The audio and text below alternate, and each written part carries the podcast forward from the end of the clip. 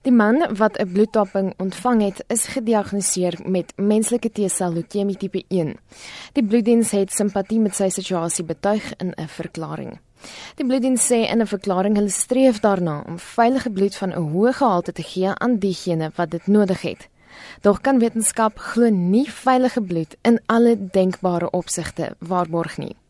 Volgens die nasionale wet op gesondheid se vereistes, toets die bloeddiens vir HIV, sifilis en hepatitis B en C.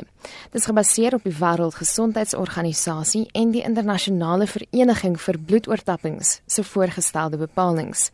Die bloeddiens toets nie vir die betrokke tipe leukemie nie, omdat dit glo nie algemeen voorkom nie. Volgens hulle het 1 in elke 1000 mense die siekte en toon 98% van die gevalle geen simptome nie.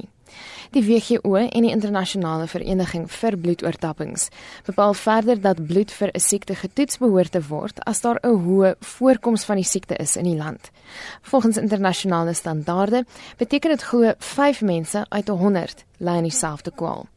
Intussen word besluite oor die toets van bloed geneem in samewerking met die departement van gesondheid asook die nasionale instituut vir oordraagbare siektes. Die bloeddiens was nie beskikbaar vir 'n telefoniese onderhoud nie, maar noem in 'n verklaring dat hulle sal aanhou om veilige bloed van hoë gehalte te verskaf. Ek is Marlene Forsie vir SAK nuus.